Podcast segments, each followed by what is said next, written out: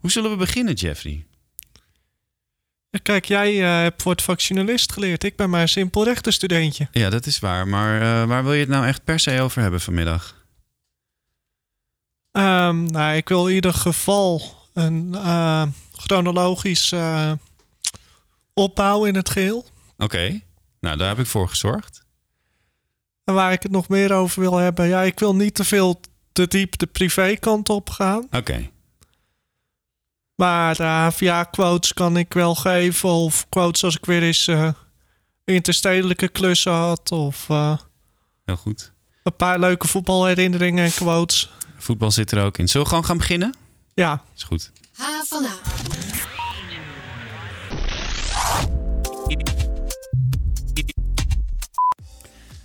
Fijn dat je luistert naar onze podcast. Elke week praten we door over het nieuws en de verhalen hier op de HVA. Mijn naam is Daniel Rollens en deze week praat ik één op één met één gast. En die gast die heet Jeffrey Meijer. Hij is nu nog lid van de Centrale Medezeggenschapsraad en was een van de oprichters van Limitless. En dat is het platform voor studenten met een functiebeperking hier op de HVA. En de reden dat wij nu praten, Jeffrey, is eh, de open afscheidsbrief die hij deze week online plaatste. Um, Of een afscheidsreden, zoals je het zelf noemde. Dat klinkt wel heel officieel. Ja, uh, ja je kan het uh, noemen zoals je wilt natuurlijk. Uh, maar ja, het was een manier om aan te geven dat ieders tijd eindig is. En ook mijn tijd nu het einde begint te naderen. Wat bedoel je daar precies mee? Want ik neem niet aan dat je echt het einde nadert. Nou ja, dat is voor de omgeving te hopen van niet natuurlijk. Maar wel dat ik een hoop taken terug ga geven. Of eigenlijk in dat proces al begonnen ben. Ja. En ja, dat ik langzaamaan weer terug uh, de anonimiteit induik. Ja, je gaat dus geen afscheid nemen van de HVA, maar wel van al je extra-curriculaire activiteiten, zoals dat dan met een duur woord heet. In normale studententaal noemen we dat gewoon studieontwijkend gedrag, toch, Jeffrey? ja, uh, dus zo kun je het noemen. Uh, ik heb wel eens een saai college kunnen skippen met deze argumentatie, maar... ja, want je hebt nogal wat gedaan, hè? Even, ik noem net Limitless, maar je zit nu op dit moment in de centrale medezeggenschapsraad. Uh, ja, daar wil ik allemaal met je over doorpraten. Maar ik ga, ik ga eerst dit muziekje even uitzetten. Normaal gesproken hebben we nu altijd nieuws en zo, maar dat doen we helemaal niet. Dus uh, zo, hop, dag muziek. Uh, we gaan gewoon beginnen met het gesprek. Want ik wil even terug naar het moment dat je hier op de HVA kwam studeren. Ja, dat Vanuit Permanent. Praten we over september 2015 ja. alweer. Ja, lang geleden. Ja, ik wil net zeggen maar vanuit Permanent, met de trein, metro, hier op de Amstel campus, hoe was dat? Uh, ik heb geluk gehad dat ik hier vooral middelbare schooltijd in Amsterdam uh, heb doorgebracht. Okay. En, uh, dus je was al een beetje gewend? Ja, en de bussen gaan goed frequent. En het is niet het andere eind van de wereld. Dus, nee, nee. Maar je kwam hier op de Hogeschool van Amsterdam. Uh, dan wordt er een hele hoop van je verwacht ineens. Want dan moet je ineens uh, een heel boek kennen voor een tentamen in plaats van twee hoofdstukken. En uh, jij zei in een interview dat wij eerder met jou hebben gedaan, dat jij het plan had om dat gewoon als een normaal mens te gaan doen. Kun je uitleggen wat je daarmee bedoelde? Ja, gewoon in vier jaar afgestudeerd zijn, geen extracurriculaire activiteiten, zoals je net al benoemde. Ja.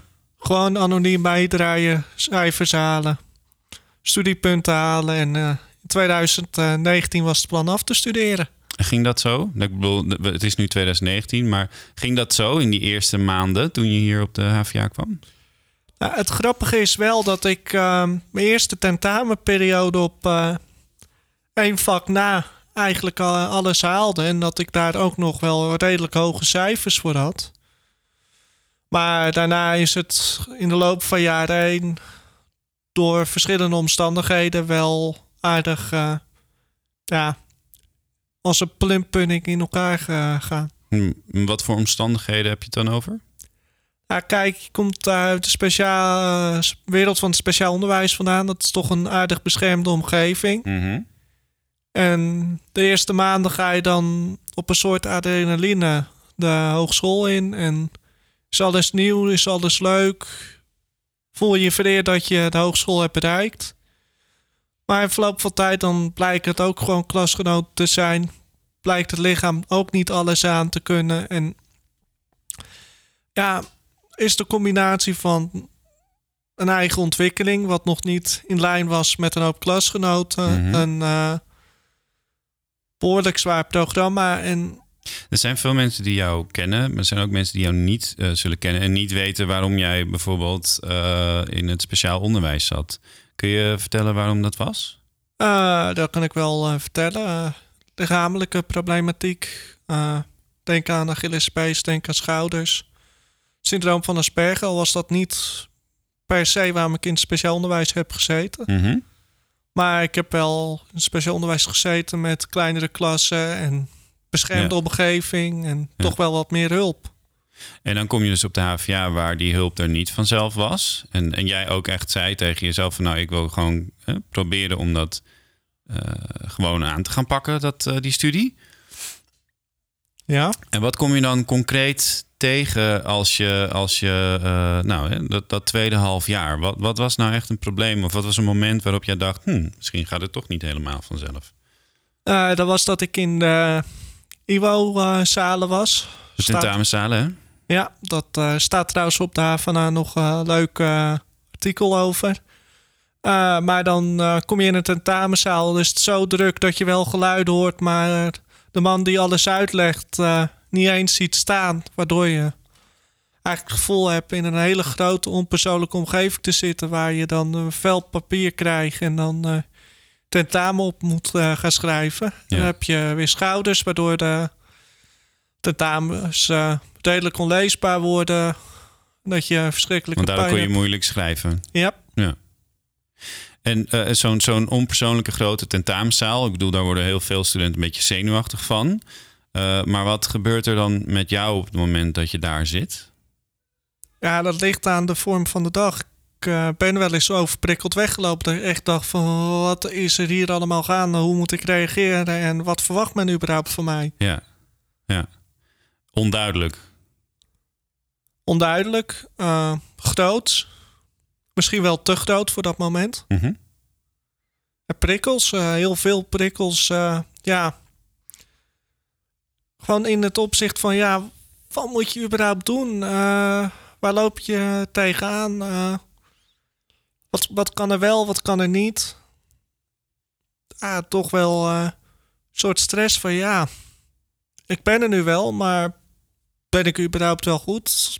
Wat gaat er überhaupt gebeuren? Ja. En leidt dat dan heel erg af van eh, de tentamenstof, waar je daar dan toch uiteindelijk voor zit? En je komt wel in een andere mindset uit natuurlijk. Wat bedoel je?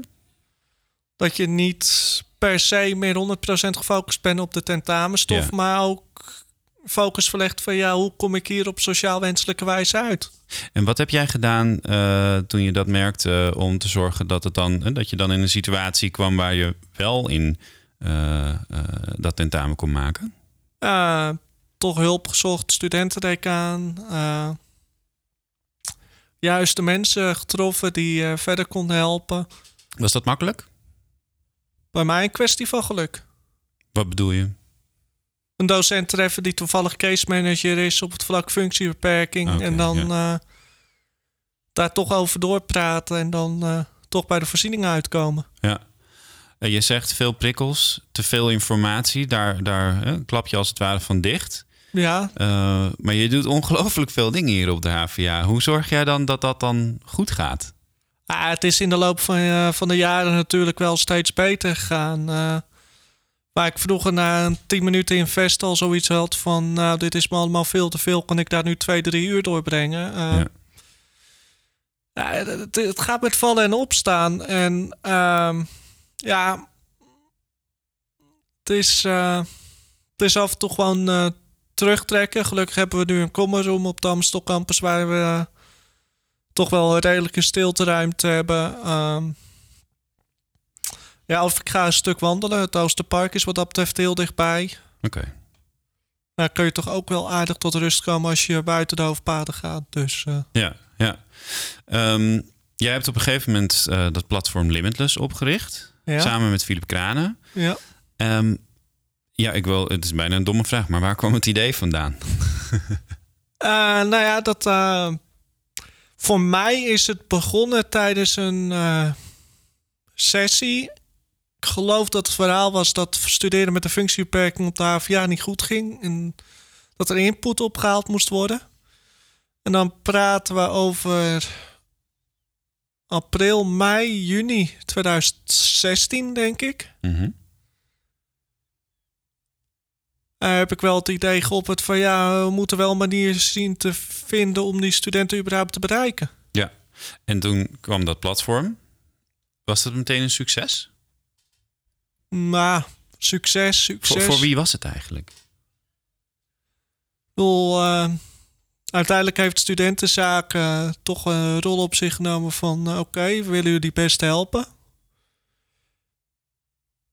Ja, toen kwam op een gegeven moment het idee van... ja, we zoeken we mensen. Daar heb ik me voor aangemeld. Sollicitatieprocedure doorlopen. En uh, ga het maar opzetten. Ja, en wat ging je toen doen? Maar eerste vergaderingen gingen alleen maar eh, over het verzinnen van een naam. Uh. maar we, hè, ik vroeg al even, voor, voor wie was dat platform en uh, wat was het doel van dat platform? Ah, het, gaat, het platform gaat er in mijn ogen voornamelijk om om de studenten met een functiebeperking een stem te geven, met elkaar te verbinden en om informatie en best practices met elkaar uit te delen. En dan bijvoorbeeld een stem te geven richting het uh, bestuur van de HVA? Ja, bestuur. Uh, denk ook binnen de faculteit en opleiding. Uh, dat die kennis niet altijd aanwezig is. En dan kun je de, kun je de opleiding en de faculteit natuurlijk ook niet verwijten. Mm -hmm. Maar wel dat er een soort awareness uh, ontstaat. Ja, bewustzijn en dan ook misschien hopelijk de wil om dingen aan te passen. Om te zorgen dat het wat makkelijker kan ja. En kijk, dat, dat verschilt natuurlijk per, per opleidingsmanager al. Uh, het, is, het is natuurlijk ook een kwestie van prioriteiten stellen. En voor de ene gaat dat. Maar bedoel je dat de ene opleidingsmanager uh, enthousiaster was over de dingen die jullie uh, voorstelden dan een andere opleidingsmanager? als je. Als je een groep hebt van, nou, we hebben op de AVA tientallen opleidingen. En dan zit niet iedereen erom te springen, ja. Dus kreeg je weerstand? Ja, ik heb... Maar dat is pas later geweest. Want ik wil het zo ook nog gaan hebben over de eerste maanden. Mm -hmm. Daar zitten we nog in het verhaal. Oké, okay, ja, ja. Later is nou, laten we dat dan later doen. Dan gaan we, uh, maak eerst de eerste maanden af. Ja, uh, de eerste maanden ging over het... Uh, toch het creëren van beeld van ja, wij zijn er. Uh, wat doen we? Wie kunnen we helpen? Waar, uh, waar komen we in terecht? En uh, op welke wijze gaan wij ons nuttig maken binnen de organisatie die de AVA heet? Ja. En dan moet je denken aan ja, toch zeepkisten of flyeren. Ah, mooiste is natuurlijk de onderwijsconferentie in april 2017 geweest. Want? Ah ik kan nu wel tenminste in mijn vrienden- en familiekring opscheppen dat ik in het De Lamar Theater heb kunnen spreken. En dat ik daar backstage ben geweest. Dat is leuk. Uh, en dat staat ook uh, tof inderdaad uh, op je cv. Maar wat heeft dat opgeleverd? Wat heeft dat opgeleverd voor andere studenten met een functiebeperking? Dat jij daar stond? Ja, uiteindelijk. Dan praten we over 2019 toch wel beleidswisselingen. Studenten worden nu voor de, voordat ze binnenkomen, worden ze al opgevangen. Okay. Waardoor ze zelf niet de drempel over hoeven om hulp te zoeken. Waar ik in het eerste jaar wel tegenaan ben gelopen. Ja. Ja, dan praat je over uh, toch uh, toetsing. Een uh, stuk bewustwording bij de mensen. Die toch wat zaak moeten regelen. Je schrijft in je brief dat de HVA voor jou eerst een soort droom was. Wat was dat dan voor droom voor jou? Ah, het leek net alsof de, alsof de wereld open ging. Uh, spreken in theaters. Uh, je komt mensen tegen. Uh, je leert heel veel kennen. Je, je legt je eerste contacten buiten de hogeschool. Dan kom je een soort ja, een boek of een kaart wat zich uh, steeds verder uittekent uh, terecht. En dat is eigenlijk een mooie positie, aangezien je, wel je werk hebt, maar dat je ook gelijk zichtbaar succes hebt. Ik merk dat je dingen mooi wil zeggen en schrijven. Maar wat betekent, wat was die droom voor jou zelf echt? En, en bleef die droom ook een droom? Of kreeg je een soort reality check op een gegeven moment? Die reality check heb ik ook gehad. En Ja. het voelde toen de tijd wel als een droom. Maar als ik dan kijk naar de parameters die nu in mijn leven ehm, aanwezig zijn, is deze tijd eigenlijk veel mooier. Oké. Hoe dan? Ja, kwalitatievere mensen om me heen. eh, toch meer daadkracht. Sluitvorming waar je dan bij betrokken bent. Mhm. Wat ik persoonlijk heel leuk vind is als ik dan in andere keukens mag kijken. Of eh, zelf eh, de keuken open mag stellen. En, Letterlijk de keuken, nou ja, waar gekookt wordt. het Koonstamhuis eh, hebben we toch in de kommeroom de keuken opengezet. En hebben ze toch een glas water gedronken. Maar wel met het idee om te laten zien van ja, hier zijn we eigenlijk zelf mee bezig. Oké, Eh, ja, met de figuurlijke keuken Ja. bedoel je eigenlijk. Oké, ja. Dus eh, ja, Eh, het was in die tijd, we hadden wel heel erg wind in de zeilen en we hadden een hoop bereidwillige mensen in eh, onze omgeving. Ah, het was voornamelijk eh, opstarten en een plek zien te vinden en niet echt beuken in de logge structuur die eh, een Mhm. grote organisatie heeft. Ja. En dan komen we als vanzelf toch bij die weerstand. Hè? We maken misschien een sprong van een paar maanden, maar staat me toe. Ehm, wat deed jij als je eh, weerstand kreeg van mensen? Stel, je hebt een voorstel, je zegt van nou, jullie zouden dit, deze opleiding anders kunnen aanpakken en je loopt eigenlijk tegen de muur aan. Ja, kijk, dat is in de lo- eh, loop der jaren wel veranderd natuurlijk. Eh, in het begin had, trok ik het me persoonlijk aan. Mhm. En nu denk je van ja, of je denkt ze zijn niet wijzer, of je beseft je van ja, het past niet in hun belang. Dus je moet een manier zoeken om A, op, op het andermans belang in te spelen. En B, je eigen, je eigen punt eh, door te voeren. Ja, dus je hebt het minder persoonlijk gemaakt, zeg je. Ik heb het minder persoonlijk eh, gemaakt. Ja. En eh, ah, in het begin trok ik me wel heel erg aan, maar op een gegeven moment besef je ook van ja, weet je, je zit met tientallen mensen en het is maar weer dus in, wie, in welk belang het past en misschien wel elkaar mogen en zoals iedereen heeft, iedereen mag iemand graag of minder graag. En er zijn zoveel parameters aanwezig dat je het niet enkel op zuiver onwil kan gooien. Of, Dus gewoon accepteren soms dat. eh, de- eh, soms moet je gewoon maar accepteren dat er weerstand is en dat het niks met jou te maken heeft. Bedoel je? Ja, en ik, dat is ook een tip die ik aan iedereen eh mee wil geven Ja. die luistert. Van ja, dat iets niet gaat, dat betekent niet dat je, dat je het zelf verknald hebt. Nee. En al die dingen die jij dus. Hè, eh, nou, we hebben het nu over Limitless. Laten we het daar nog even bij houden. Dat doe je dan naast je studie Ja. HBO-rechten. Ja, Een eh, studie eh, is al gewoon best wel veel werk. Ehm, hoe pak jij dat persoonlijk aan? Want je bent er dus van alles naast gaan doen. Is dat dan, is, doe je dat juist omdat dat fijn is voor je, omdat dat jou helpt ontwikkelen? Of is het gewoon omdat je, omdat je denkt, nee, ik vind het gewoon leuk? Ah, er zit wel een bepaalde ontwikkeling bij natuurlijk. Hè. Praten dan wel eh, dat ik dat platform Limitless opzette. Praten we over eind 2016, begin 2017. In dat schooljaar heb ik me per open thuis gehaald. Dat heeft ook wel de rust gegeven en het inzicht gebracht van ja, leuk, ik kan me via de opleiding ontwikkelen. Mhm. Lekker op de achtergrond eh juristje spelen. Of ik kan ervoor zorgen dat ik ook wat sociale vaardigheden opdoe. En toch ook een complete mens kan worden. Ja. Ben jij een compleet mens zonder voetbal? Nee. Waarom niet? Wat is er zo belangrijk aan voetbal voor jou? Belangrijk, ik weet En niet ik moet dat... er even bij, sorry dat ik je onderbreek, ik moet er even bij zeggen dat ik heel vaak op Twitter op de meest eh, onmogelijke momenten tweets van jou over Sparta voorbij zie komen. Want dat is jouw club, hè, Sparta? Ja, ja. Ja, Ehm, ja oké, nou ga verder. Waarom is het zo belangrijk voor jou? Aan de ene kant is het een uitlaatklep. De sociale gebeurtenis. En de relatie tussen eh, wat er op dat veld gebeurt, mensen en emoties, die is zo machtig interessant. Er zit een bepaald soort causaliteit en actualiteit in. Dat, ja, dat vind ik altijd heel mooi om te zien. Dat moet je even uitleggen hoor. Ik weet namelijk niet zo goed.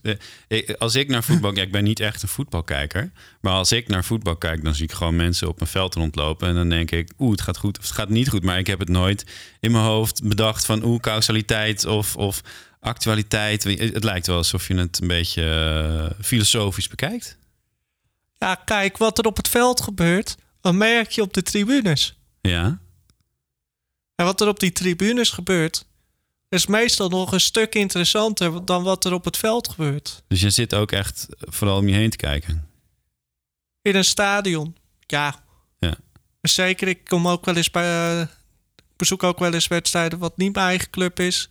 Eh, vind ik het toch wel heel mooi om, he- om me heen te kijken en te zien eh, hoe mensen op eh, wat er op het veld gebeurt reageren. Ja. En zie je dan ook weer dat er op het veld wordt gereageerd op wat er op de tribune gebeurt? Ja, verschilt per wedstrijd. Ik heb ook wel eens een wedstrijd gezien in eh God beter het Helmond. Stonden Mhm. 300 man op de tribune in de sneeuw. Daar sloeg de vonk niet over. Maar ja, dat vind ik dan bijvoorbeeld mooi als je in een stadion als de Galgenwaard in Utrecht komt. Mhm. En er ontstaat een bepaalde vibe. Dan zie je wel spelers harder gaan lopen. En dan zie je wel een soort magie ontstaan waarin makkelijk een successen geboekt kunnen worden.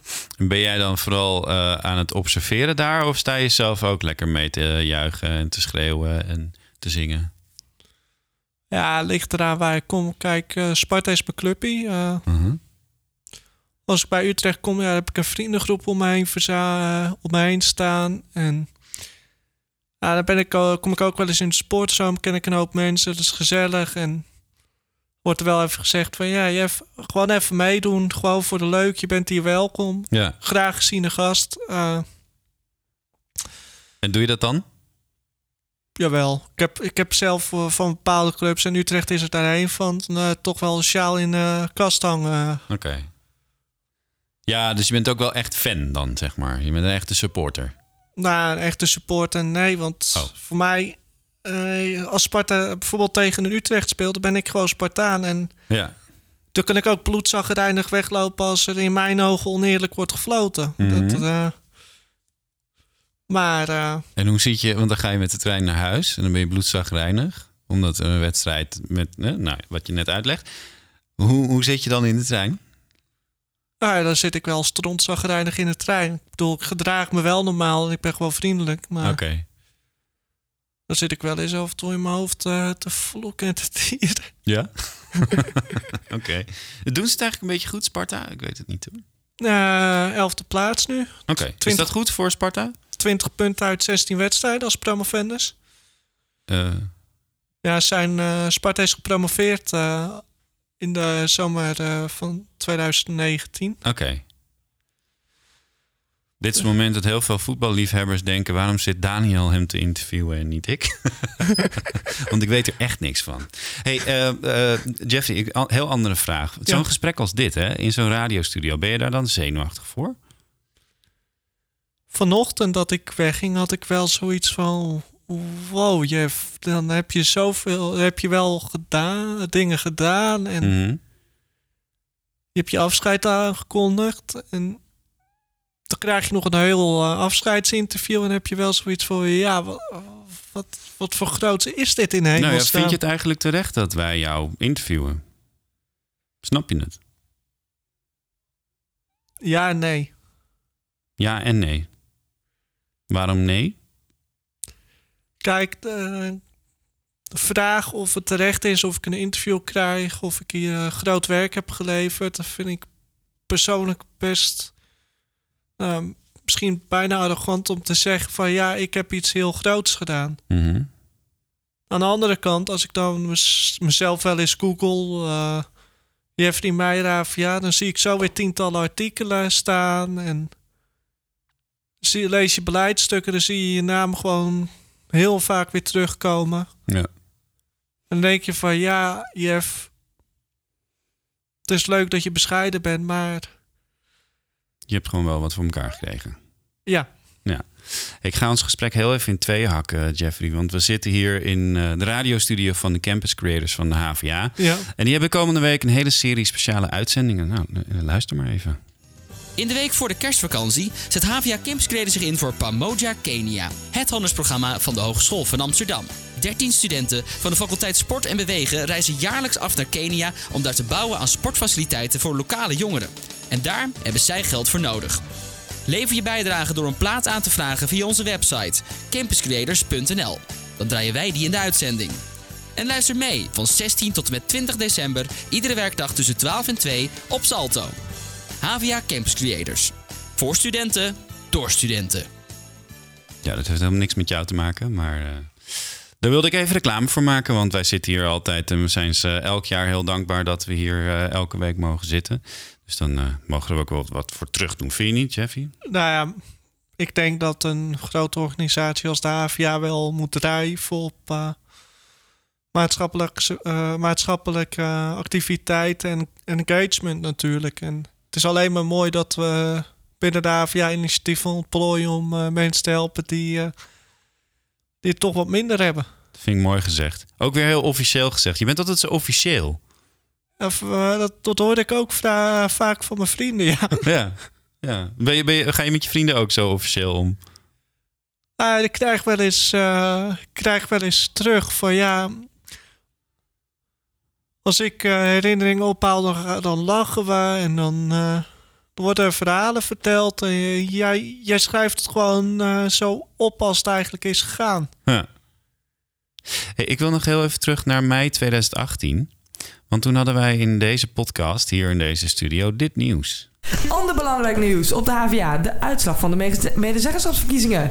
En die zijn net bekendgemaakt. En bij ons in de studio is Jeffrey Meijer aangeschoven. Jeffrey, welkom. Dank Jij je. hebt de meeste stemmen gehaald van alle studenten die zich kandidaat stelden. Ja, hoe heb je dat gedaan, Jeffrey? Ja, dat eh, ging eh heilig full American, eh, wat ik eh, vernomen heb. Wat dan?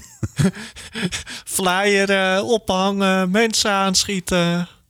Dwars door alle sociale grenzen heen gaan. Ja, want jij hebt toen als enige eh, student echt campagne gevoerd om verkozen te worden voor die Centrale Medezeggenschapsraad. En dat heeft jou toen ontzettend veel stemmen opgeleverd. Hoe, hoe voelde het? eh, Dat je, je stond hier in het Benno Premselhuis, eh, dat je de uitslag kreeg volgens mij. Hoe voelde het om met zoveel stemmen in die raad te komen? Ja, dan praat je toch over iets onwerkelijks, denk ik, hè? Waarom? Ja, eh, dwars door grenzen heen gaan. eh, merken van, ja, Jeff, als je iets zielsgraag wil, dan, eh, dan lukt het ook wel. Mhm. En dan komt er een soort extra pot energie vrij, waardoor je tot Ja. meer in staat Waren dat jouw eigen grenzen waar je doorheen ging of grenzen van andere mensen? Ik denk dat het wel een combinatie is geweest. Want wat, hoe ben je dan over je eigen grenzen heen gegaan toen? Ja, een beetje van... eh, nou, Jeff, jij wil het zo graag. Ga er dan maar gewoon voor. Ja. En eh, ja, ik had zoiets van... eh dan gaan we maar... gaan we echt campagne voeren. ja. En dat is dan ook wel spannend, denk ik. Om zomaar collegezalen binnen te lopen. En... Ah, van tevoren heb ik het wel met docenten overlegd Oké, natuurlijk. maar je staat voor een hele groep studenten ineens. En daar moet je iets gaan vertellen dan, denk ik. Ja, nou, dan, dan helpt het mee eh, dat je daarvoor bijvoorbeeld in het eh, de Lamar Theater hebt gesproken. Oh ja. Ik Ja. bedoel, Er is zo'n collegezaal maar 200 man in plaats van duizend. Ja, dat eh, heb je heel goed gezien. Dat is inderdaad super makkelijk daarna. Dat, eh, ja, makkelijk niet, maar... eh, Kijk, het voordeel in zo'n theater, ik heb ook wel eens in een theater gesproken, heel kort, eh, is dat je de meesten allemaal niet ziet. Maar in zo'n collegezaal kijkt iedereen je aan en kijk jij hen ook aan natuurlijk. ja, dan is het gewoon goed om een vast gezichtspunt te hebben. Ik ben gewoon naar een klasgenoot die middel, uh, middelboog zat gaat duren. Oh ja.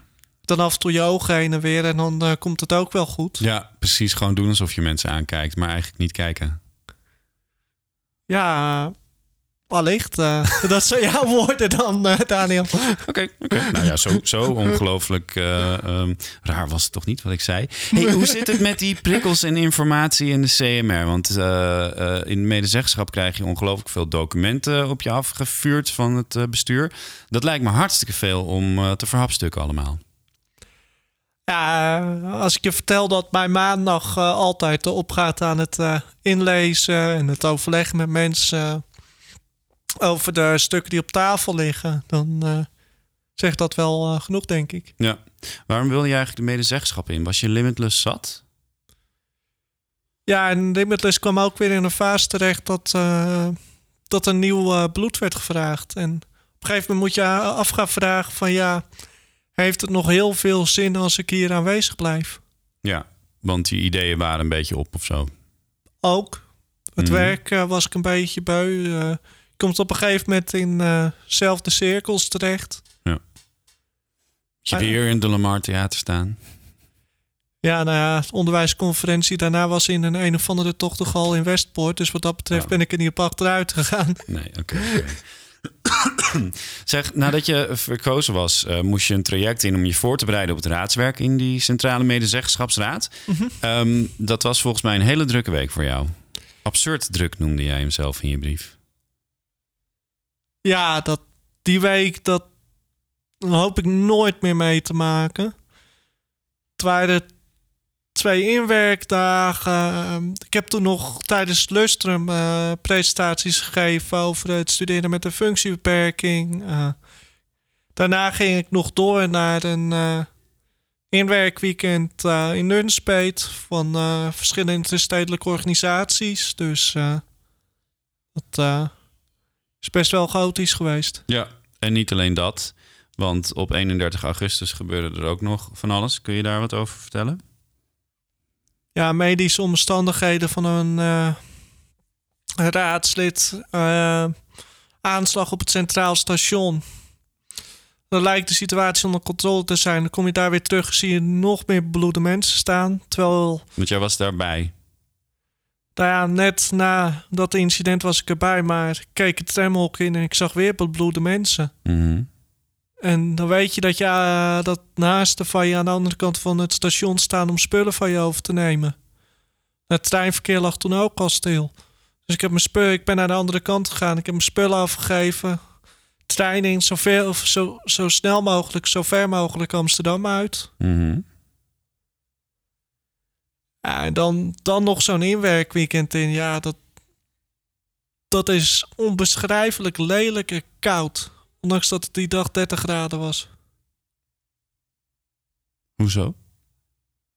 Je voelt je emotioneel verlaten. Je waarborg vallen weg. Door wat er allemaal gebeurd was Ja. in zo'n korte tijd. Hoe heb jij dat toen aangepakt? Hoe, hoe ben je daarmee omgegaan? Ik ben gewoon doorgegaan. Oké. Zonder acht te slaan op dat je het wel moeilijk vond. Ja, ik wilde zo graag de CMR in, hè? Oké, ja.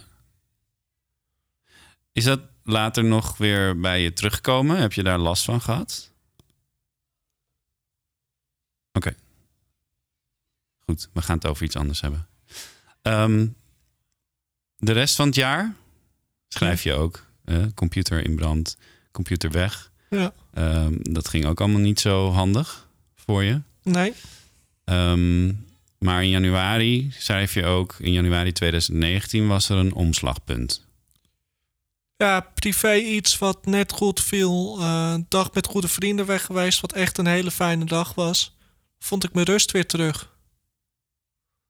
Toen had ik zoiets van, ja, de wereld is niet alleen maar tegen me. Ik heb niet alleen maar tegenwind. Eh, er is hoop op rust, structuur te bouwen. Zeg het als je er niet over wil praten, maar hoe voelde je je voor dat moment in januari? Het zijn niet de leukste maanden in mijn leven geweest. Laat het daarbij. Ja. Goed. Dan, eh, dan wil ik graag van je weten, inderdaad, in januari, het ging weer beter. Wat heb jij zelf veranderd in je leven? Kijk, ik ben wel. eh, ik heb in het begin van het seizoen wel twee raden gedaan. Dus ik heb de deelraad toen eh, opzij gezet. Ik heb toen be- bewust voor gekozen eh, om rustmomenten in te eh, plannen. Minder voor de studie te gaan doen. Om gewoon drie, vier dagen per week te kunnen rusten en alles te kunnen verwerken. Mhm. Goed. Ehm, je schrijft eh, in je brief dat je kiest, eigenlijk eh, in andere woorden, maar je kiest eh, jezelf boven andere mensen op dit moment. In ieder geval in de verdeling van je tijd en je energie. Ehm, want eerder was je heel erg bezig, vooral met een, een doel om het voor andere mensen op de HVA eh, beter te maken.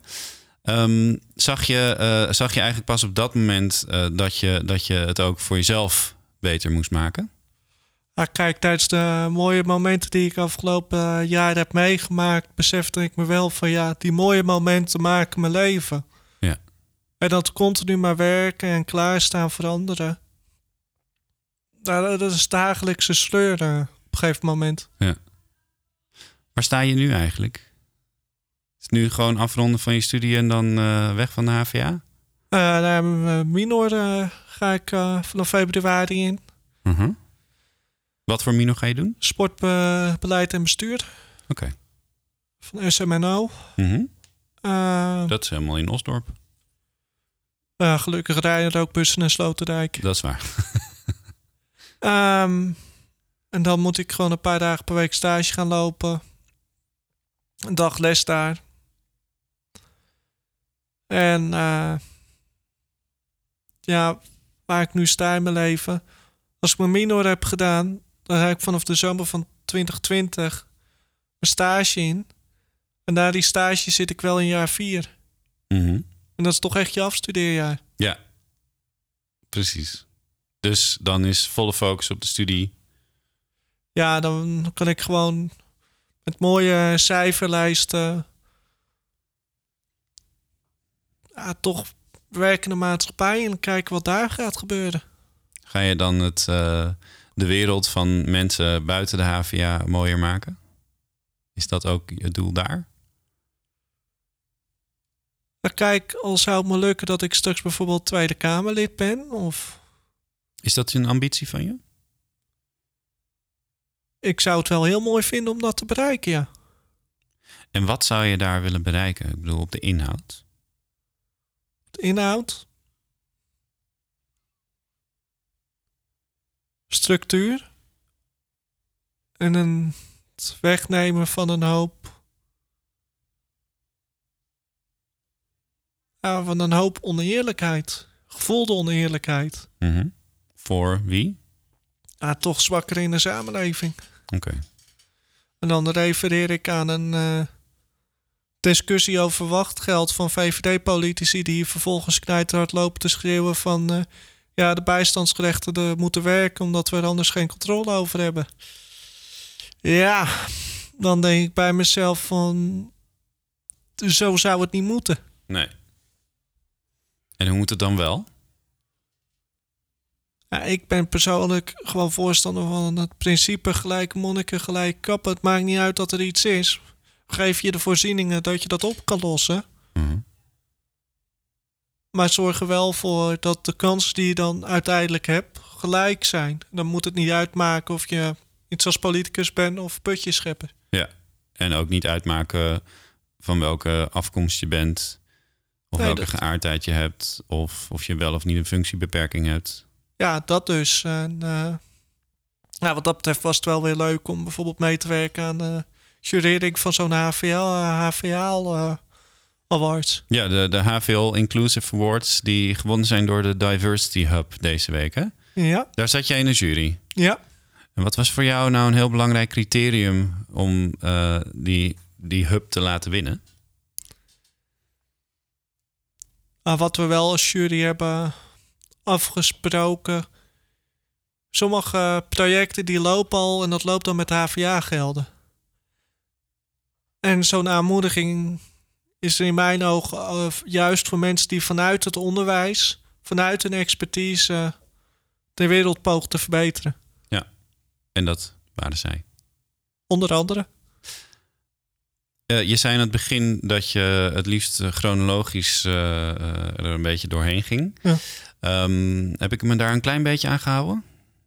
Ik uh, zal het straks nog rustig aan terug moeten luisteren. Oké, okay, heeft het niet bijgehouden. Ben ik iets vergeten aan je te vragen? Is er iets heel belangrijks wat je eigenlijk kwijt wil? Ja, wat ik nog aan mensen kwijt wil is van... Maakt niet uit hoe je eruit ziet, waar je last van hebt. Of waar je tegenaan loopt. Als je er maar voor zorgt dat je in alles wat in je mogelijkheden ligt... een beter mens probeert te worden... en probeert mee te doen om de wereld te verbeteren. En is dat jou zelf gelukt de afgelopen drie jaar? Ik vind van wel. Is dat dankzij of ondanks uh, Asperger en andere dingen? Ik bedoel, heb je het, uh, heeft het je tegengewerkt? Ja, ik denk dat dat toch altijd, altijd wel weer genuanceerd is. Ik bedoel... Nou, je mag het genuanceerd zeggen. Op het ene vlak helpt dat je, dat, dat je dan wel de kans hebt om te verbeteren... en dat mensen dan sneller geneigd zijn je verhaal op te nemen... Aan de andere kant, als je dan weer uit zo'n prikkelrijke setting komt of tijdens zo'n interstedelijke conferentie weer over, uh, over grachten dwaalt, dan denk je ook wel eens van ja, ze niet altijd mee. En dan heb je lekkere muziek op. Toch? Ja. Je stuurde me wat door vandaag. Nou, dit lijkt er niet helemaal op. Ja, wat jij stuurde was iets heftiger uh, qua beat. Uh, Jeffrey, ik ga je bedanken voor dit gesprek. Um, zullen we dan maar afspreken dat we je vanaf nu met rust laten? Want uh, nu ben je gewoon maar een van de studenten. Vanaf, ja, tot, tot in de zomer natuurlijk nog in de CMR. Ja, dat is waar. Maar daarna dan, is wel mijn ambitie om terug te glijden de anonimiteit in. Ja, geen interviews meer en zo en video's. Heel goed. Um, volgende week maken we de laatste podcast van dit kalenderjaar. En volgens traditie doen we dat in Café Fest. En daar maken we bekend wie de HVA van het jaar 2019 gaat worden. We nemen dat op met publiek. En wil je daar nou bij aanwezig zijn, dan moet je heel snel contact met ons opnemen via havana.hva.nl. Zei ik hva.hva? Nee, havana.hva.nl. Of via sociale media, want er zijn nog maar een paar plekken vrij voor publiek. Mocht je de boot missen, dan kun je de podcast natuurlijk ook gewoon volgende week weer terugluisteren via je favoriete podcast-app. En vind je dit nou een leuke podcast? Geef ons dan een beoordeling op iTunes of Spotify. En heb je een opmerking of een tip? Mail ons dan op datzelfde mailadres havana.hva.nl of stuur ons een berichtje op sociale media. De hele komende week houden we je op de hoogte van alle verhalen over jouw opleiding op Instagram, Facebook en Twitter. En wil je meer? Dan ga je naar onze website havana.nl. Bedankt voor het luisteren en tot de volgende. Dankjewel, Jeffrey. Graag gedaan. Geen enkele podcast meer missen? Check dan HVA in je favoriete podcast-app.